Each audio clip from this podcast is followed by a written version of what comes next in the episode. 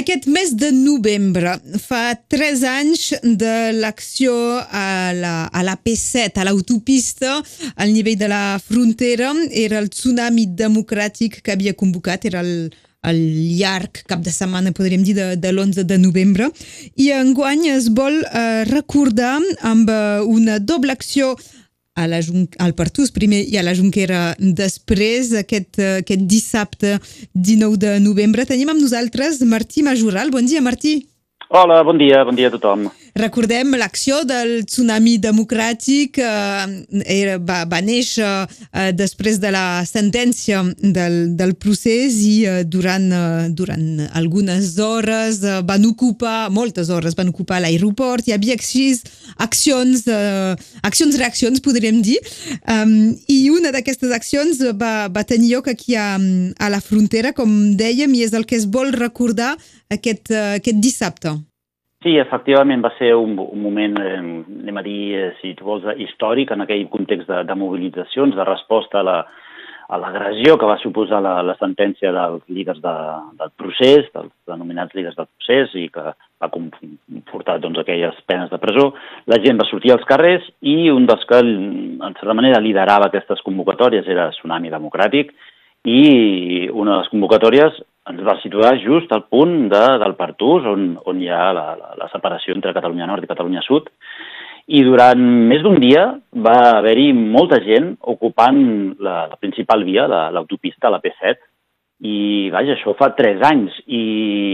i si bé eh, val a dir que a nivell, de, doncs, eh, bé, les coses han canviat molt i, i han passat moltes coses a, a la realitat política, la realitat repressiva eh, ha estat una constant, s'ha anat mantenint i fins i tot el cas aquest de, del Partús ha portat molta, molta, molta cua i encara, encara cueja.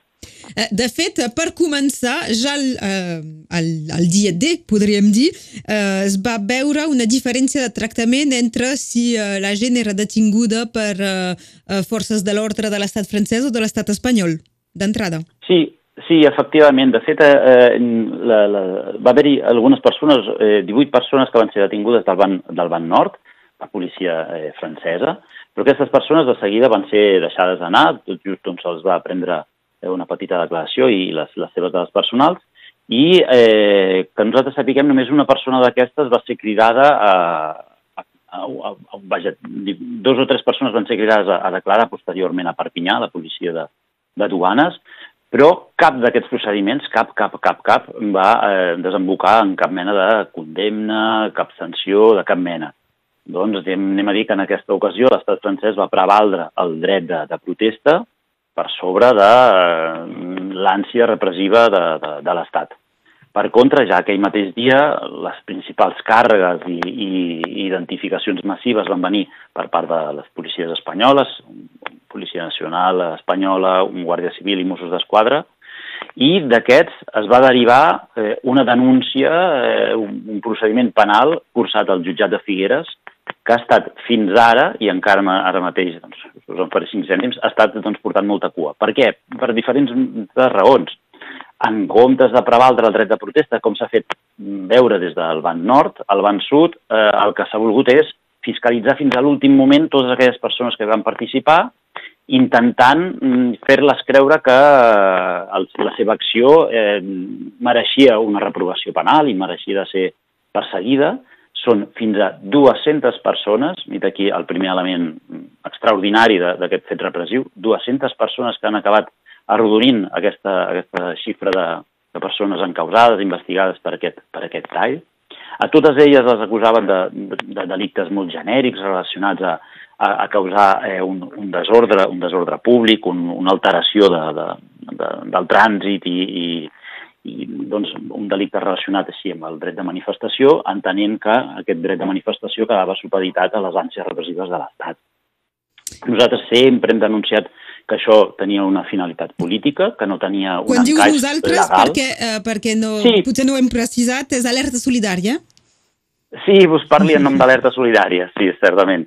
Eh, vos parli en nom d'Alerta Solidària i, i, si se'm permet, esperi que sigui el cas, doncs també un poc en nom de totes les altres entitats que convoquem aquest acte de dissabte. Sí, ja parlarem de l'acte... De... Sí, sí, tornem sí. a la causa judicial, que ja és prou complex, era només per matitzar. Sí, sí, i, i no, no, no m'hi vull estendre massa, eh? el, el, el que va, va quedar molt clar, i ha quedat clar fins, a, fins ara, fins avui, que és que, que la gent té dret de manifestar-se, la gent té dret de protestar. Quan es protesta, quan es manifesta, és normal que hi hagi mm, una certa alteració de, de, de, de la vida, anem a dir, ordinària, tranquil·la, perquè quan es fa una manifestació s'ocupa un carrer, s'ocupa una plaça, eh, eh, per tant, mm, eh, l'alteració és inherent al dret de, de protesta i això eh, només un estat eh, antidemocràtic mm, no ho pot entendre. Eh, crec que això ho pot eh, capir tothom i, i això és el que va passar. Eh, 200 persones identificades allà en aquell punt i per part de les autoritats judicials espanyoles 200 persones investigades. Ara, al mes de setembre, se'ns va dir finalment que el jutjat i la fiscalia reconeixia que aquestes persones havien pas comès cap delicte, que la causa doncs, quedava tancada, i encara, encara, encara, ara tenim la discussió eh, amb, iniciada per causa de, de la fiscalia que suposa a, a que aquesta causa sigui tancada del tot. Hi ha hagut un gir la setmana passada per part de, de la justícia que va, va passar a dir que aquesta decisió de l'arxivament era provisional. Exactament, exactament. Doncs què ens trobem aquí? Ens trobem que eh, en un moment de lucidesa i de racionalitat el jutjat ja diu això, mm, ja n'hi ha prou de tenir durant tres anys totes aquestes 200 persones amb l'ai al cor, ja n'hi ha prou, ja, ja, no, no, no tenia raó d'iniciar-se aquesta causa, però ara ja, passats tres anys, ja, mm, ja, ja fa molta pudor i cal, cal tancar-ho. Van a tancar-ho, però a l'últim moment, i mm, resulta que la Fiscalia el que està discutint ara és que aquest tancament no sigui un tancament d'un tipus, anem a dir, definitiu, sinó que sigui un tancament de tipus provisional. Efectes pràctics, la gent encausada es queda igual és un arxiu, doncs una causa queda arxivada de manera provisional, però amb ells no els afecta, no els passarà absolutament res, perquè no hi ha elements nous que puguin permetre d'obrir aquesta causa. Aquesta causa, a efectes pràctics, està tancada, però el matís polític és diferent, perquè el que està dient ara la Fiscalia és eh,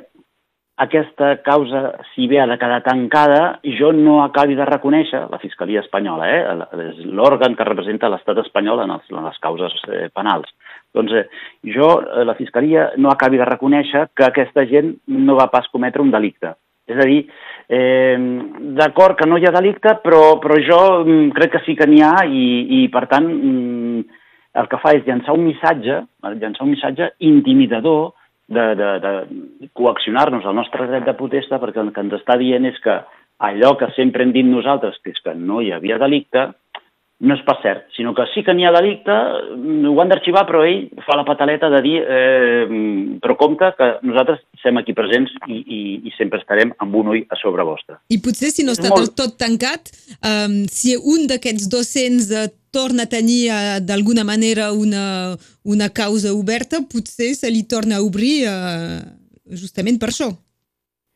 No, no, realment no. Eh, nosaltres, eh, sí, eh, o sigui, aquí ens hauríem de, de fixar únicament en els, en els fets d'aquest eh, 11 de novembre de fa 3 anys i ens hauria, o sigui, hauria de ser un element nou referit a aquells fets per poder-ho obrir. En tot cas, eh, i per no marejar a uh -huh. les persones que ens estiguin escoltant, perquè francament és un tema jurídic i, i, i d'una certa complexitat, el que ha de retenir tothom al cap és que aquí el que ha passat és que unes persones es van manifestar i tenien el dret de fer-ho i el que no tenia dret d'actuar de manera repressiva era l'estat espanyol. I el que no tenia dret d'actuar de manera repressiva l'estat espanyol és, a més a més, de fer-ho cap a 200 persones, no, no cap a dos o tres que poguessin haver organitzat l'esdeveniment, aquella protesta, sinó cap a 200 persones, és com dir, nosaltres eh, anem a eh, imputar un delicte a tota la gent que es manifesti mm, qualsevol dia per qualsevol tema. L'Estat no ho podia fer, l'Estat no podia fer que aquest procediment durés 3 anys,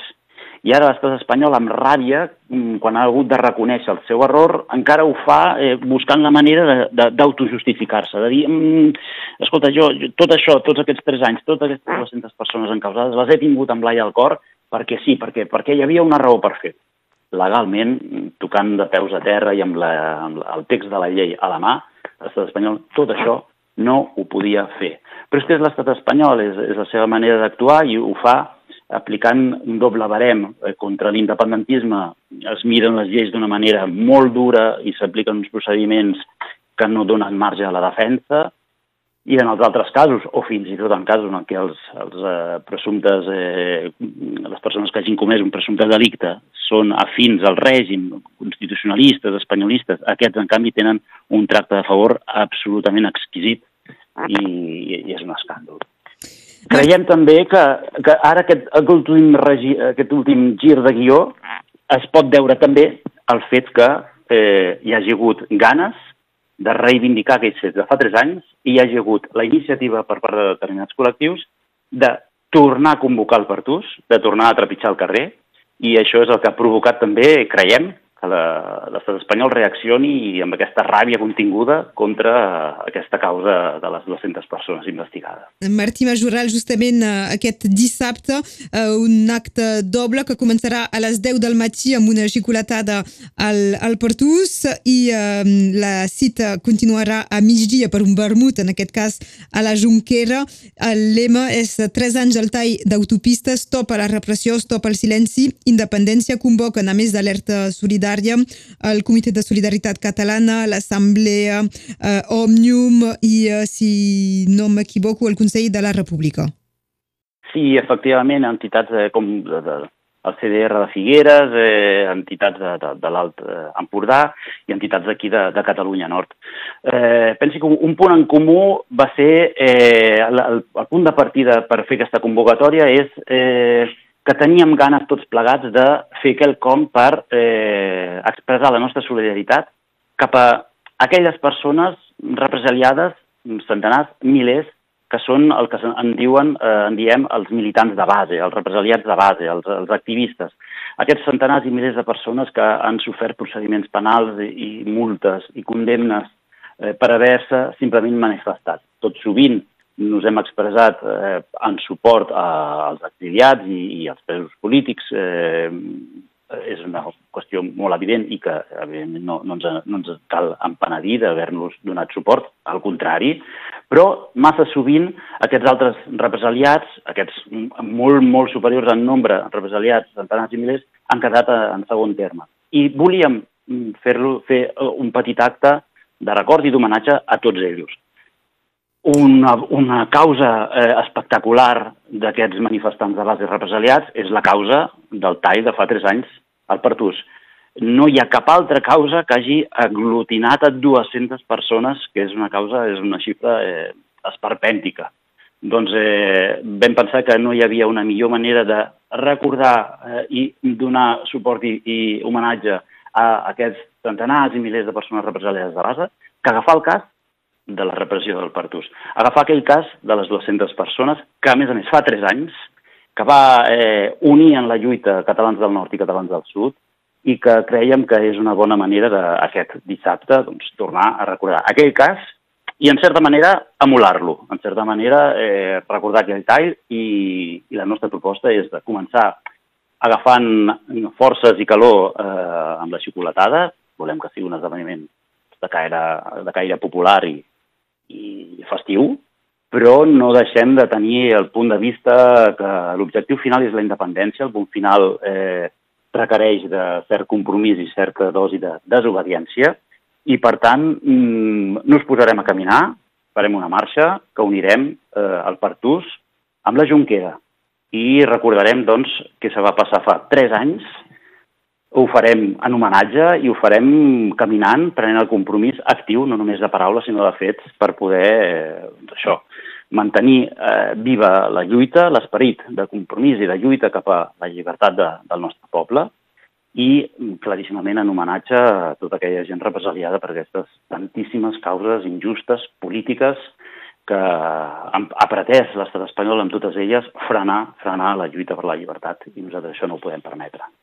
Martí Majoral, gràcies per tots aquests detalls i aquestes informacions eh, i recordem doncs la cita aquest dissabte a partir de les 10 del banc del Portús. Gràcies. Gràcies a vosaltres, ens veiem dissabte. Que vagi molt bé, adéu, bon dia. Adéu.